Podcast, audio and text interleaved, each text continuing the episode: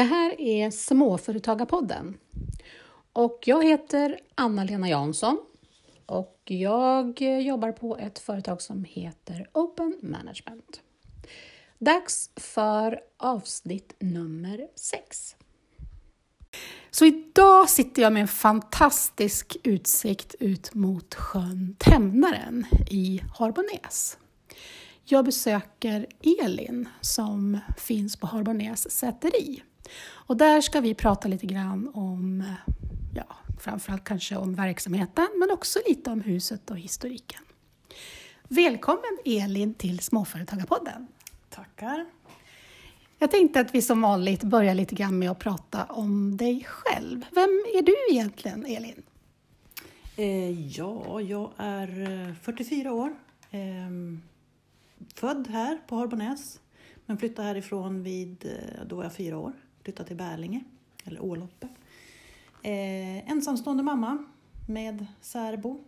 Eh, ja. Det är du. Det är jag. Ja. Och eh, då har du varit ifrån Harbonäs ett tag. Men, men eh, vad gjorde du under tiden när du var iväg härifrån? Eh, ja, jag är uppväxt i Bärlinge och gick i skola där. Eh, gått, jag har ju jobbat under många år, eh, mycket administrativt. Jag är utbildad projektledare. Eh, ja, så det är väl det jag har gjort. Jobbat med lite olika projekt och sådär under tiden? Mycket inom medicinteknik har jag jobbat. Ah, okay. Mm. Berätta om eh, huset och gården och säteriet. Eh, ja, det är eh, ett, ett gammalt säteri som från början var under Aspnäs. Eh, och vad jag förstår så var det en kvinna som hette Görvel Posse som ärvde det av sin, måste vara farbror eller morbror, som hade Aspnäs. Och eh, hon var född år 1600. Oj, det är jättelänge sedan. Det här huset har funnits ganska länge. Ja, men hur det såg ut då, det, ja, det vet vi ju inte riktigt. Eh, det var ju en, en, stor gård men eh, huset såg ju inte ut så här då. Eh, uppe på vinden, vi har ju bara enplans, så det är ju öppet uppe på vinden och där på en bjälke så står det 1632. Men när den kom dit, det vet vi ju inte. Men som det ser ut nu ska vara sedan början på 1700-talet, när Tigerhjälm hade det. Nej, nu sa jag fel. Von Knorring. Von Knorring. Ja. ja. det är inte så lätt att hålla reda på alla gubbar Nej. och gummor i historiken. När, eh, när flyttade den släkt som du har anknytning till hit? Min familj kom hit 1922. Och hur långt bakåt är det? I, i din släkt? Det är alltså min mormors pappa mm, okay. som köpte det då. Mm. Så min mormor var tre månader när hon kom hit första gången. Hon fyller 98 nu i slutet på februari. Oj, vad fantastiskt. Då har hon ändå lite historik med sig under den tiden som hon kan berätta för er, eller har berättat för er. Ja, eh, hon har ju varit här. De hade det ju som sommarstuga från början då. Så de var här somrar och jular. För det var väldigt nedgånget när de fick det. Eh, I ett rum så såg man upp till himlen och det var jordgolv och taket var så trasigt så och i stora salen som, där använde de som sädsmagasin när de flyttade hit. Så det har varit ett ganska stort jobb för dem att, att, att fixa ordning och, och, och ja, renovera. Kan, kan, du nämna något om hur, hur stort hus, det här huset som vi befinner oss i och marken runt omkring? Huset är eh, enplans då och det är ungefär 450 kvadrat. Eh, sen marken är 533 hektar är, ja.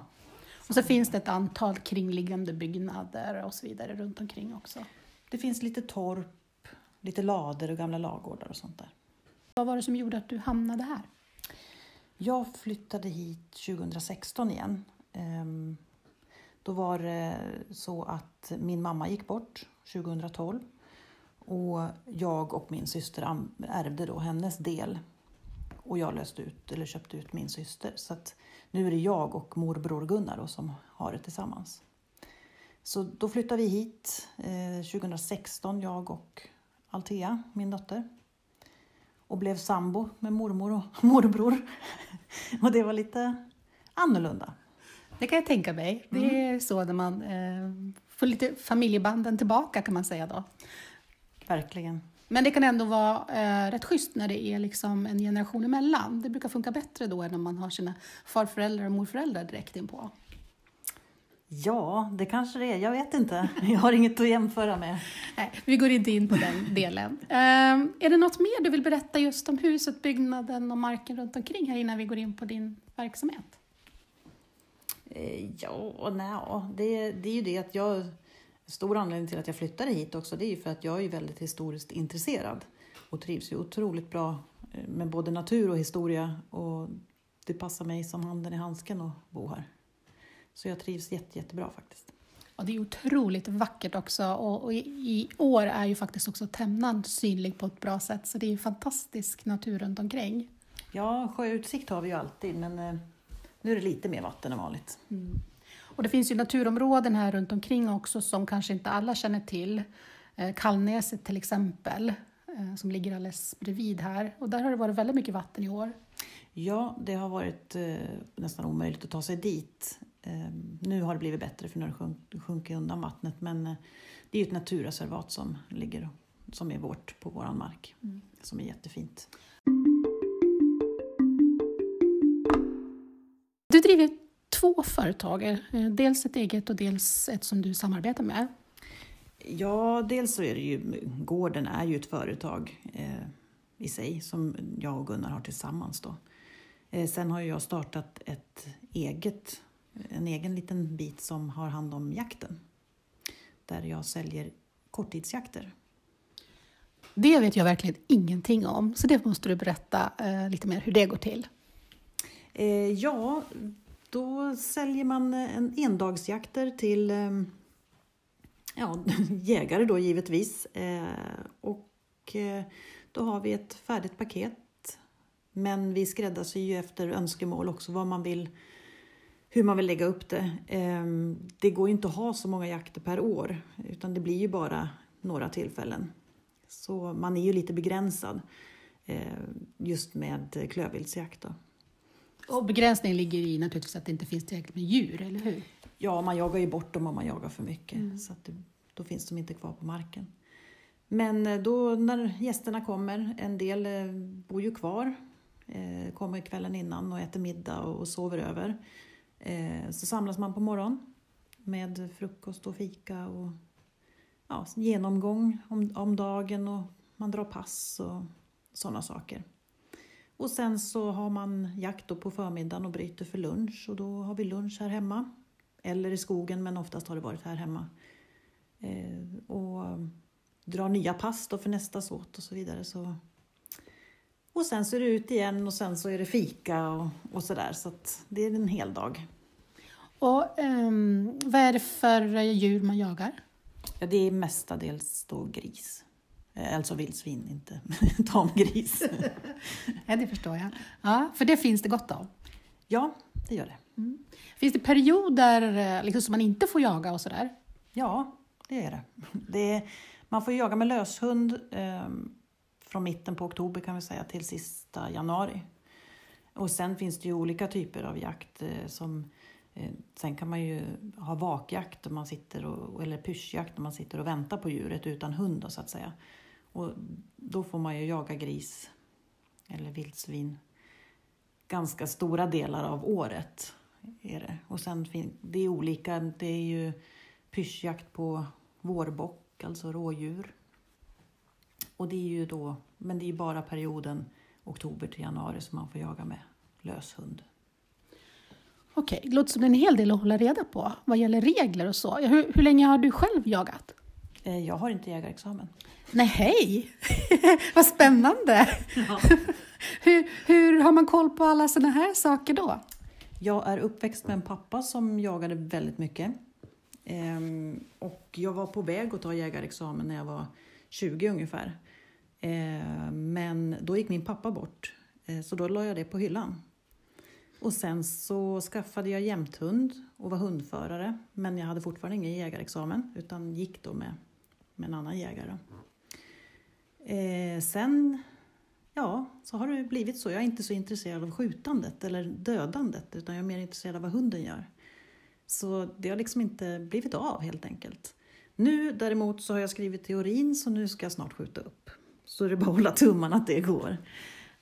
Okej, vad spännande. Det tog jag ju liksom för givet då. Men, men eh, jag förstår det där med skjutandet och dödandet, för det är inte heller eh, min grej.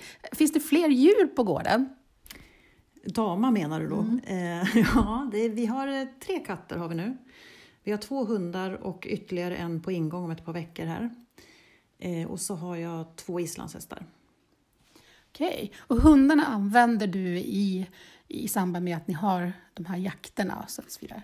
Ja, vi har ju en kavaljer King Charles som eh, inte jagar. Hon är till för att vara gullig och söt. Det är Alteas eh, hund. Sen har vi en jämthund eh, som är ju en, en ställande hund på älg och vildsvin. Eh, och som också används till eftersök och sånt om det skulle behövas. Tack och lov så har inte det behövts. Eh, och sen har, kommer det en golden retriever också som ska användas som apporterande. Mm. Men du är med hela tiden när de här jakterna är och, och, du antar jag då är den som lagar maten och fixar frukostar och lunch och sånt? Ja, jag är ju inte med på jakterna utan jag har ju kökstjänst. Okay. Så jag, eh, ja dagen börjar ju vid fem någonting när det ska gräddas bröd och göras frukost och sådana saker. Eh, så jag, står ju, jag är ju hemma och i köket och diskar och lagar mat och allt sånt som hör till. Projektledarrollen där med allting runt omkring? Ja, precis. Och det är jag också som förbereder och eh, allting innan då, liksom med mat och ja, det mesta som ska göras utom just själva jakten gör jag och även efteråt. Då, liksom se till att huset där de sover, att, det finns, att det allting finns där och städat och snyggt och så. Och sen när de åker så ska det städas och, tvättas igen. Hur, eh, hur stora grupper kan du ta emot? Tio personer eh, så har vi sagt som mest. Mm. Kurr, kurr hör vi här i bakgrunden. Eh, hur hittar de dig, alla jägare som vill komma hit? Ja, jag har haft några annonser på Blocket och Facebook. Eh, det är allt jag har annonserat. Ehm, och sen så har det varit den här eh, mun till mun reklamen liksom. Ehm, jag har ju tagit in olika hundförare också då, som hjälp och det är deras kontakter och, och så vidare som, som kommer. Det har varit eh, ett gäng från Norge och de flesta kommer ju inte härifrån utan det är ju någon från Uppsala sådär men annars är det ju Stockholm, Åmål, Filipstad, alltså det är mycket spritt i Mellansverige kan jag säga. Och, och, Norge har jag flera gäng som hört av sig och sen även nu uppifrån Östersund och Umeå. Mm -hmm. Okej, okay. det finns ju ett otroligt stort intresse för jakt och de flesta har väl kanske också jaktmarker eh, själva och så vidare. Eh, vad är det som gör att man åker ut så här och, och är med på en, en, en jaktdag på ett helt annat ställe? Ja, det är väl oftast det att de kanske har en jaktmark och det är samma jaktmark som de har varit på i 20 år. Och de vill åka iväg kanske ett kompisgäng och göra någonting tillsammans. Eh, kommer då också, eftersom man kommer långväga ifrån, kommer dagen innan och man käkar middag ihop och, och liksom sitter och snackar. Och, ja, det blir som en minisemester samtidigt som jakten då, som troligen är ett av deras största intressen, så får de göra det tillsammans också. Eh, Ja, det har varit, det har varit väldigt uppskattat. Det, jag har eh, fått otroligt mycket positiv eh, eh, feedback på, på upplägget och sådär. Så att, eh, nej men jag är jättenöjd. Sen vad det gäller marknadsföring så har jag inte, jag annonserar inte och, och så stort och jag tror att det är bättre med den här, gör man ett bra jobb så sprids det. Och jag förstår att det, det, är ju ändå en bransch där man liksom snackar med varandra på ganska stora avstånd och har koll på varandras jaktmarker och vilka som jagar och så, så att det sprids. Ja, det gör ju det. Och de som åker på sådana här saker, deras kompisar åker ju också på sådana här saker. Om man säger de här lokala eh, jägarna här, de har ju sina jaktmarker, och så, så, eller lokala, men de som är runt omkring, de flesta är ju med i jaktlag och så, så att de behöver inte åka. Det är oftast sådana från eh, kanske stora städer eller så, som kanske inte ens har plats i ett jaktlag, mm. som kommer. Finns det regler och riktlinjer kring sån här verksamhet som man måste ta hänsyn till? Eller är det något, något speciellt som liksom du behöver kolla upp och sådär? Ja, alla jägare måste ju då ha eh, vapenlicens för sitt vapen. Eh, de ska ha statligt jaktkort och försäkringar då som, som gäller. Så det kollas ju upp. Sen har ju vi då, ja så har vi ju en jaktledare som har hand om allting och det är då min särbo. Och Ja, det, det, får ju han kolla liksom varje gång och så att det, allting sånt finns. Mm. För det är ju ändå folk som springer omkring med skarpladdade vapen. Liksom. Jag tänker att det är en hel del jobb runt omkring som du pratar om med, med mat och så vidare. Men har ni andra aktiviteter också som ni erbjuder eh, de här gängen eller andra grupper som kommer? Nu har jag börjat med det här det började, mitt första jakt var i oktober 2019. Så att det, det här är ju inte någonting som jag har hållit på med länge. Eh, jag har inga andra aktiviteter så ännu. Men det är ju en tanke som finns. Att jag, jag vill ju ha ytterligare ett ben att stå på så att säga. Eh, och fler in, ja, flera grejer som man kan göra. Jag har ju ett hus på gården där jag har boende. Där jag också har bed and breakfast. Jag har aldrig annonserat eller någonting om det men eh, ja, det, har, det har kommit eh, sällskap och, och bott över och sådär. Eh, sen är väl tanken att man kanske kan utvidga och öka liksom. Ja, så att man kan ha gäng kommer, bygga en bastu kanske eller eh, såna, ja, såna grejer. Sen vet jag inte, det beror ju på också vad man har för intressen. Nu i år till exempel så finns det ju ingen is men det kan ju vara sådana som vill komma och fiska. Mm. Ett gäng bara. Eh, och pimpla eller sådär. Men vi får se. Jag, jag vet, vi får se vad som händer. Det är ju en potential kan man väl säga ändå. Det finns otroligt mycket som ni skulle kunna göra om ni hinner och vill framåt. Men jag tänker med, med att det finns boende och du är van att hantera grupper och så vidare med mat och så. Eh, för det stod någonting om, om bröllop på din webbsida också. Ja, det är väl mer att man kanske kan, om man vill, eh, ha, om man har någon fest eller eh, jubileum eller någonting sånt. Och det är ju mer sommartid egentligen, beroende på hur stora grupper det är klart. Eh, vi har ju inte så, så stort inne. Eh, men eh, grupper upp till 30 personer kan man ju ha inne, men, men mer än så funkar inte. Sen beror det ju på vad man vill ha för upplägg och så. Men allting går ju att ordna. Det är ju bara, är man ute i god tid så går ju allt att ordna. Att, att sköta ett sånt här säteri kräver ju en hel del. Eh, jag såg någon bild på, på Instagram att du var ute och körde med någon maskin på vägen. Berätta lite om verksamheten i övrigt eh, vad gäller gårdens skötsel och så vidare. Ja, ehm, det är ju eh, sådana saker då som, som sladda vägen till exempel som du såg. Jag, är ju inte, jag har ju inte hållit på med sånt och när jag skulle köpa en traktor så Eh, den andra gick sönder så då skulle jag köpa en traktor och då åkte jag och skulle köpa den och så frågade han om jag ville provköra. Ja, men jag har inte kört traktor sedan jag var tonåring. Nej, då får du inte det, sa han. Nähä. Så jag fick inte provköra traktorn utan jag fick åka hem. Eh, sen får man ju liksom då övningsköra lite grann och lära sig och ja, det är ju dumdristigt ibland. Det, är just, det känns ju ibland att gud så naiv jag är liksom. Men samtidigt så kanske det är bra också. Vet man inte allt, då kanske man inte skulle göra det. Men eh, som tur var, ingen snö i vinter. För då hade det varit plogning också. Men det kommer. Det är liksom man får lära sig helt enkelt. Men du tänker att du gör det mesta själv eller tänker du också att du kan ta in hjälp där du behöver? Eller finns det någon som kan stötta dig och lära, lära dig kring olika saker som du inte har gjort förut? Ja, jag har ju min särbo som är här väldigt mycket.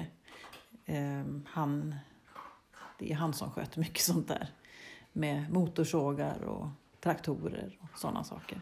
Så det, slipper jag oftast. Men samtidigt så jag säger det att jag vill ju lära mig för en vacker dag så eh, ja, då måste jag sladda vägen eller ploga snö och då ska jag börja själv då. Det är lättare om jag får lära mig under tiden. Mm. Så att ja, det går framåt. Jag övar. Du nämnde islandshästarna också. Är det en tanke på verksamhet eller för eget bruk eller bara att det är härligt att ha djur? Ja, det var ju det är egentligen eget, för eget bruk. Jag har ju bara två stycken. Eh, jag och Altea har varsin. Så vi, eh, nu har det blivit dåligt på sista tiden men annars så rider vi ut tillsammans. Och, och så, så att, eh, det är väl egentligen ett sätt att komma ut. Och trevligt att ha. Och koppla av helt ja, enkelt. Ja. Mm.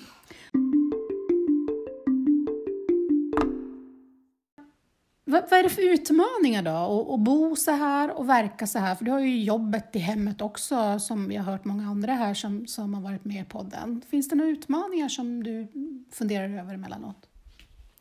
Ja, det är både positivt och negativt eh, att ha, jobba i hemmet. Jag kan ju ibland känna att jag bara måste eh, ut, och göra någonting annat, sova någon annanstans liksom och, och så. Så att det, ja, det, det är någonting jag har behov av. Annars så skulle det liksom inte funka i och med att jag går här varje dag. Eh, så det är en liten utmaning.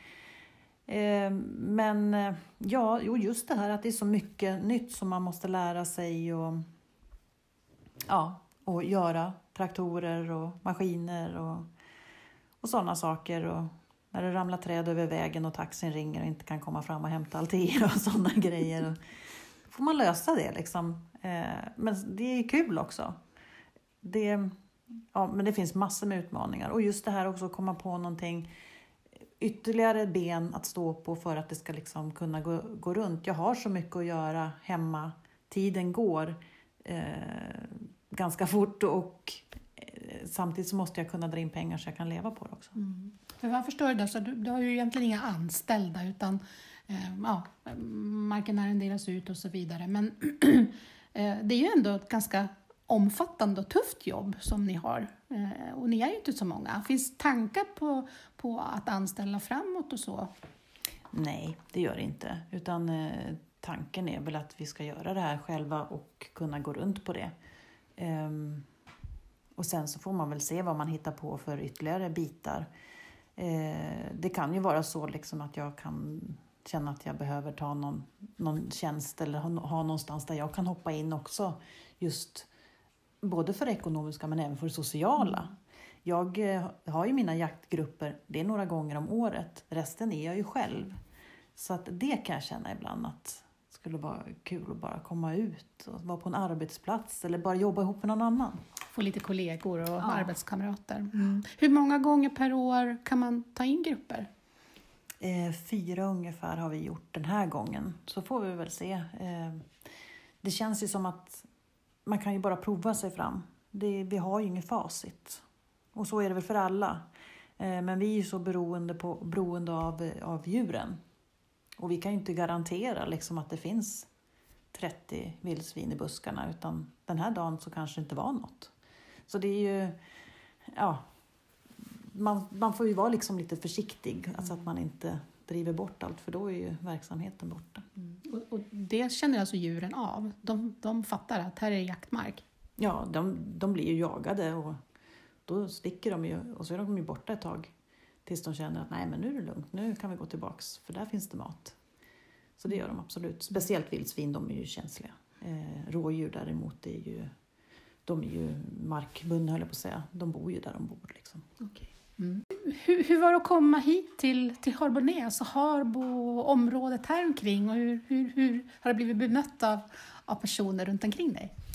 Ja, det är faktiskt väldigt intressant för att precis, jag flyttade hit från Strömstad för jag gjorde en liten avstickare till Strömstad. Men eh, så flyttade vi hit. Och om jag jämför Strömstad och Harbo så kan jag säga att Harbo är ju fantastiskt. Det är... Eh, men människor är intresserade. De, de är pratsamma. De, liksom, de släpper in en. Eh, så är, var det inte i Strömstad. Så det, det var en otroligt positiv överraskning för jag trodde ju absolut att det skulle vara tvärtom. Att man skulle ja, stänga dörren framför näsan liksom som nykomling och så. Eftersom det är sånt litet, en liten ort. Men eh, ja, väldigt positivt överraskad. Kul, det är roligt att höra. Hur, hur, eh, har du några liksom företagskollegor som du snackar med och sådär? Hur, hur träffas ni och så? Nej, det har jag egentligen inte så. Eh, nej. Lite, nej, det har jag inte. Jag pratar väl mest med min särbo och vi bollar och, och eh, spånar idéer och sådär och sen, ja, det mesta sker väl uppe i knoppen. Uppe i knoppen? ja, det är bra. Eh, har du, eh, som, om man tänker som bokföring och ekonomi och sådana saker, sköter ni det också själva? Jag gjorde det ett tag, men det har jag lämnat bort. Det, det kräver för mycket eh, av mig. Det, det, är inte min största hobby kan jag säga. Nej, och det kan ju vara så att det kan vara skönt att lämna bort sånt som man känner att man inte gillar och sen du verkar ha fullt upp med annat. Ja, tiden går ändå. Mm.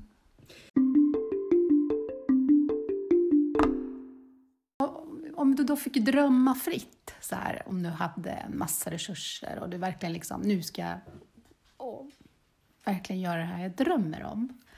Hur, vad, vad tänker du då? Hur skulle det se ut? Ja, herregud. Nej, men då skulle jag nog vilja utöka just med jakten och kanske något som jag tycker, som jag verkligen har tänkt på, det är det här med jaktkläder. Det är ju först och främst för män.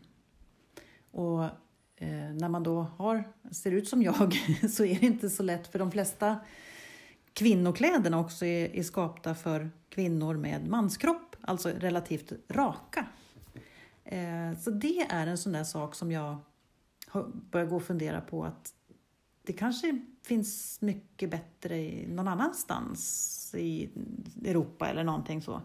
För i, jag har inte hittat i Sverige, men det finns jättefina butiker och så i Sverige, men då kostar det ordentligt. Så om man tänker då som en sån här som jag, som en vanlig Svensson som kanske inte kan gå och köpa en, en blus för 2 500 utan jag vill ha praktiska eh, kläder som funkar för det jag ska göra.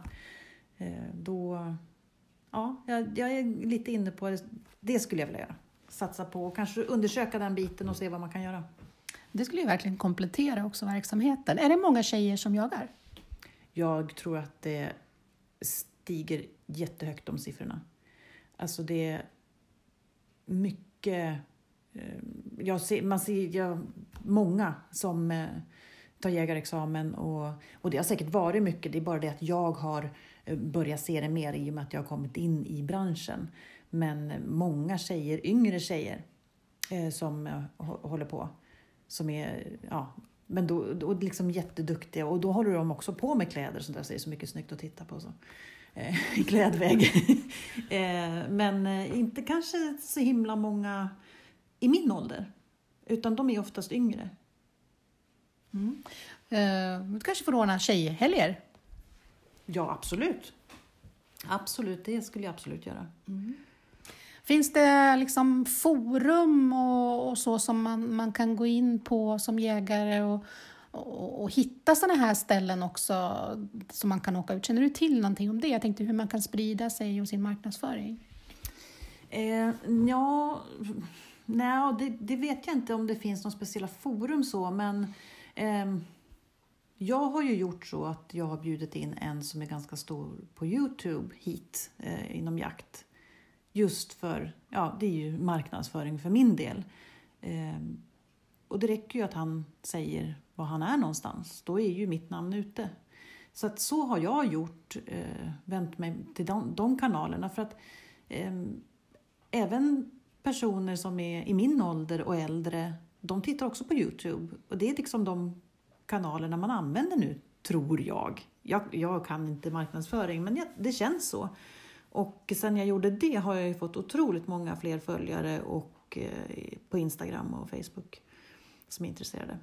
Låter som ett smart drag, jag tror att det är helt rätt. Deltar du i något företagsnätverk och så?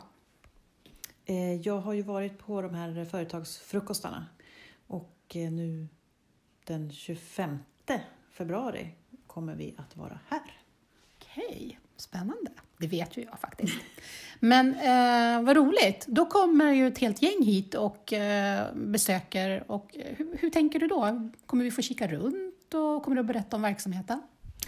Ja, jag kan väl berätta eh, lite grann. Eh, jag, eh, det som är med min verksamhet är ju att den är inte så allmän egentligen, utan det är ju mest jaktintresserade. Men däremot just det här med, med boendet och övernattning och sånt där kanske är mer intressant just då eh, för de personerna. Men eh, kika runt, ja lite grann. Det är ju så att jag, det här huset, jag använder ju det i min verksamhet, men hälften av det har jag ju som privat så att man ska kunna få ha sin sängkammare i fred och sådär. Liksom.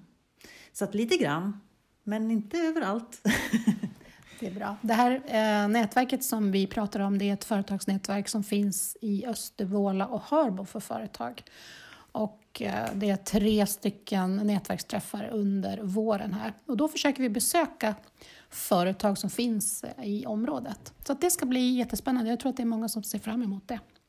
Någonting som eh, du känner att vi inte har berört eller som du vill tillägga?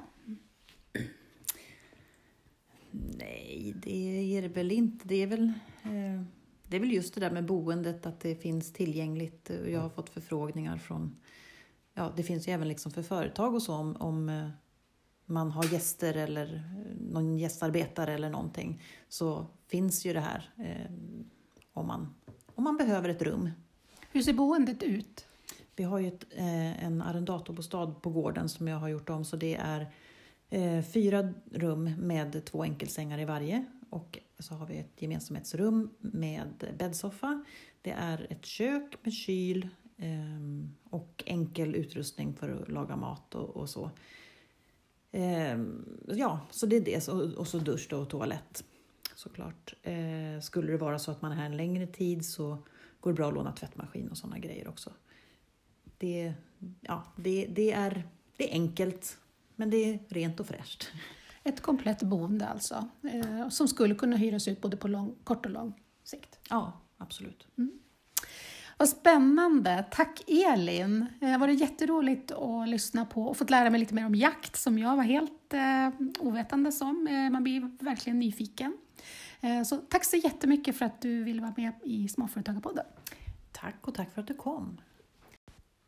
Nästa gång kommer vi att besöka ett eh, möbelföretag. Eh, ja, I Östervåla faktiskt. Så välkomna att lyssna då.